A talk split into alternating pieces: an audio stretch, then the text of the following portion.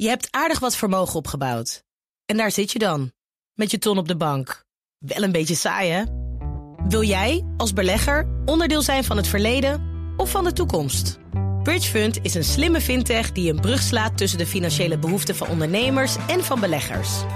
Dus wie belegt bij Bridgefund krijgt niet alleen een mooie vaste rente, maar brengt ook ondernemers in beweging. Echt waar, met die ton kan je zoveel betere dingen doen. Bridgefund. Make money smile. Crypto-update. Misschien Herbert Blankenstein. Goedemorgen Herbert.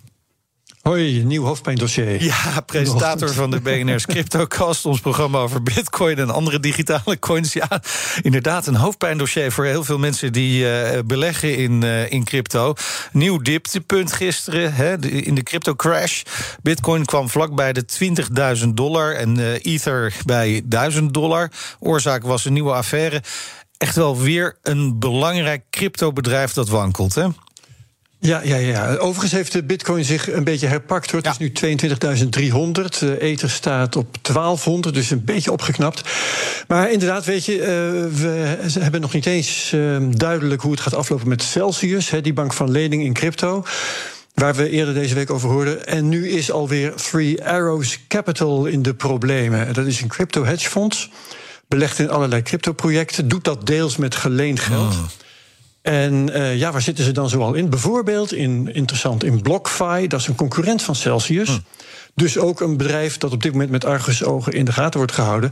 Want zijn zij wel beter bestand tegen een bankrun dan Celsius?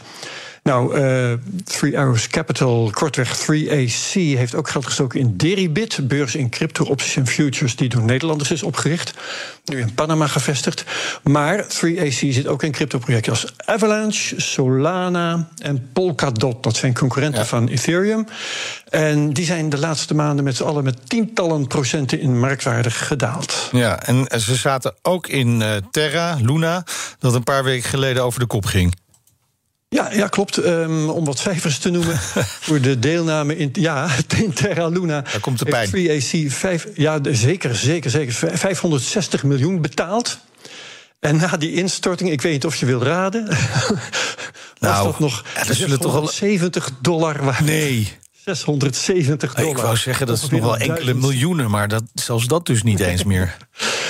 Nee, en als je dan bedenkt dat 3AC 10 miljard beheert ongeveer, dan is dat een geweldige aderlating. En ja, de hele cryptomarkt is op zijn retour. En nu heeft 3AC veel weg van een kaartenhuis. Hun beleggingen verdampen.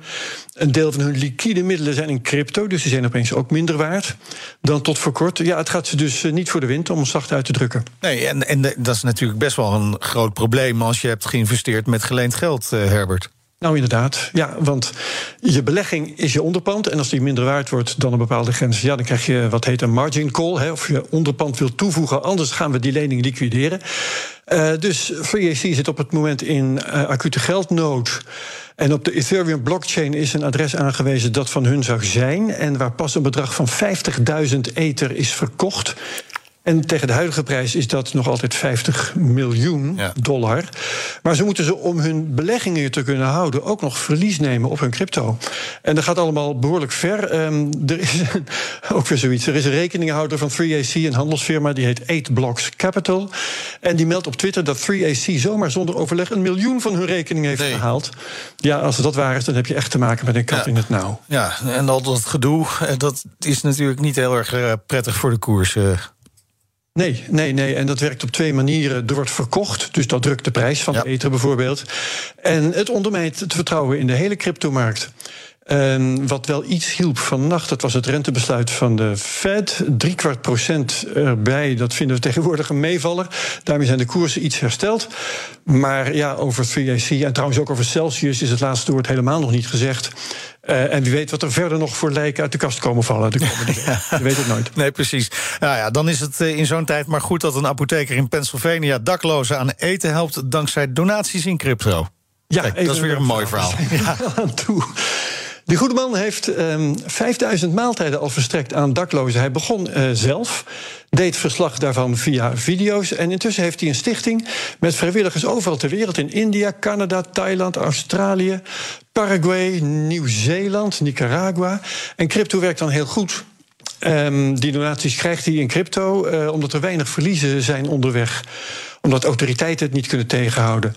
En omdat vrijwilligers via die blockchain kunnen laten zien dat ze het gedoneerde geld inderdaad aan voedsel hebben uitgegeven. Dus al met al toch nog een feel-good verhaal. Gelukkig, gelukkig. Maar uh, desalniettemin alle reden om uh, deze week de CryptoCast uh, goed te gaan beluisteren. Om goed op de hoogte te blijven natuurlijk. Wat heb je in de CryptoCast deze week? Nou, ook best wel een feel-good verhaal. Bert de Groot, een ondernemer uit Brabant, laat tuinders hun kassen verwarmen met miningapparatuur. Kijk, voor uh, veel van die tuinders is elektriciteit toch al een voordeliger bron van warmte dan gas heeft met hun contracten te maken. En als je dan toch een elektrische kachel gaat gebruiken, ja, dan kun je met die energie net zo goed eerst bitcoin minen. Um, en ook als je een overschot hebt aan zonne-energie, ja, je weet wel, al die boerderijen met. Um, ja zonnepanelen op de, op eh, de stallen. Uh, zonne-energie die we deze zomer vaak over hebben, die kun je dan prima voor mining gebruiken. Bij negatieve prijs krijg je dan nog eh, geld toe van je energiebedrijf ook. En dan kan Nederland zomaar een miningland worden zonder milieubezwaren. Terwijl het geïnstalleerde groene vermogen nog rendement blijft opleveren ook. Dus dat is een win-win. En het is ook een win erbij voor de CryptoCast. Zo is dat. Dankjewel Herbert. Alle afleveringen van de CryptoCast zijn natuurlijk te beluisteren via de BNR-app, via onze site bnr.nl of de podcast-app die jij graag gebruikt. Crypto-update wordt mede mogelijk gemaakt door Amdax. Alleen voor de serieuze cryptobelegger. Je hebt aardig wat vermogen opgebouwd. En daar zit je dan, met je ton op de bank. Wel een beetje saai, hè? Wil jij, als belegger, onderdeel zijn van het verleden of van de toekomst? Bridgefund is een slimme fintech die een brug slaat tussen de financiële behoeften van ondernemers en van beleggers. Dus wie belegt bij Bridgefund krijgt niet alleen een mooie vaste rente, maar brengt ook ondernemers in beweging. Echt waar.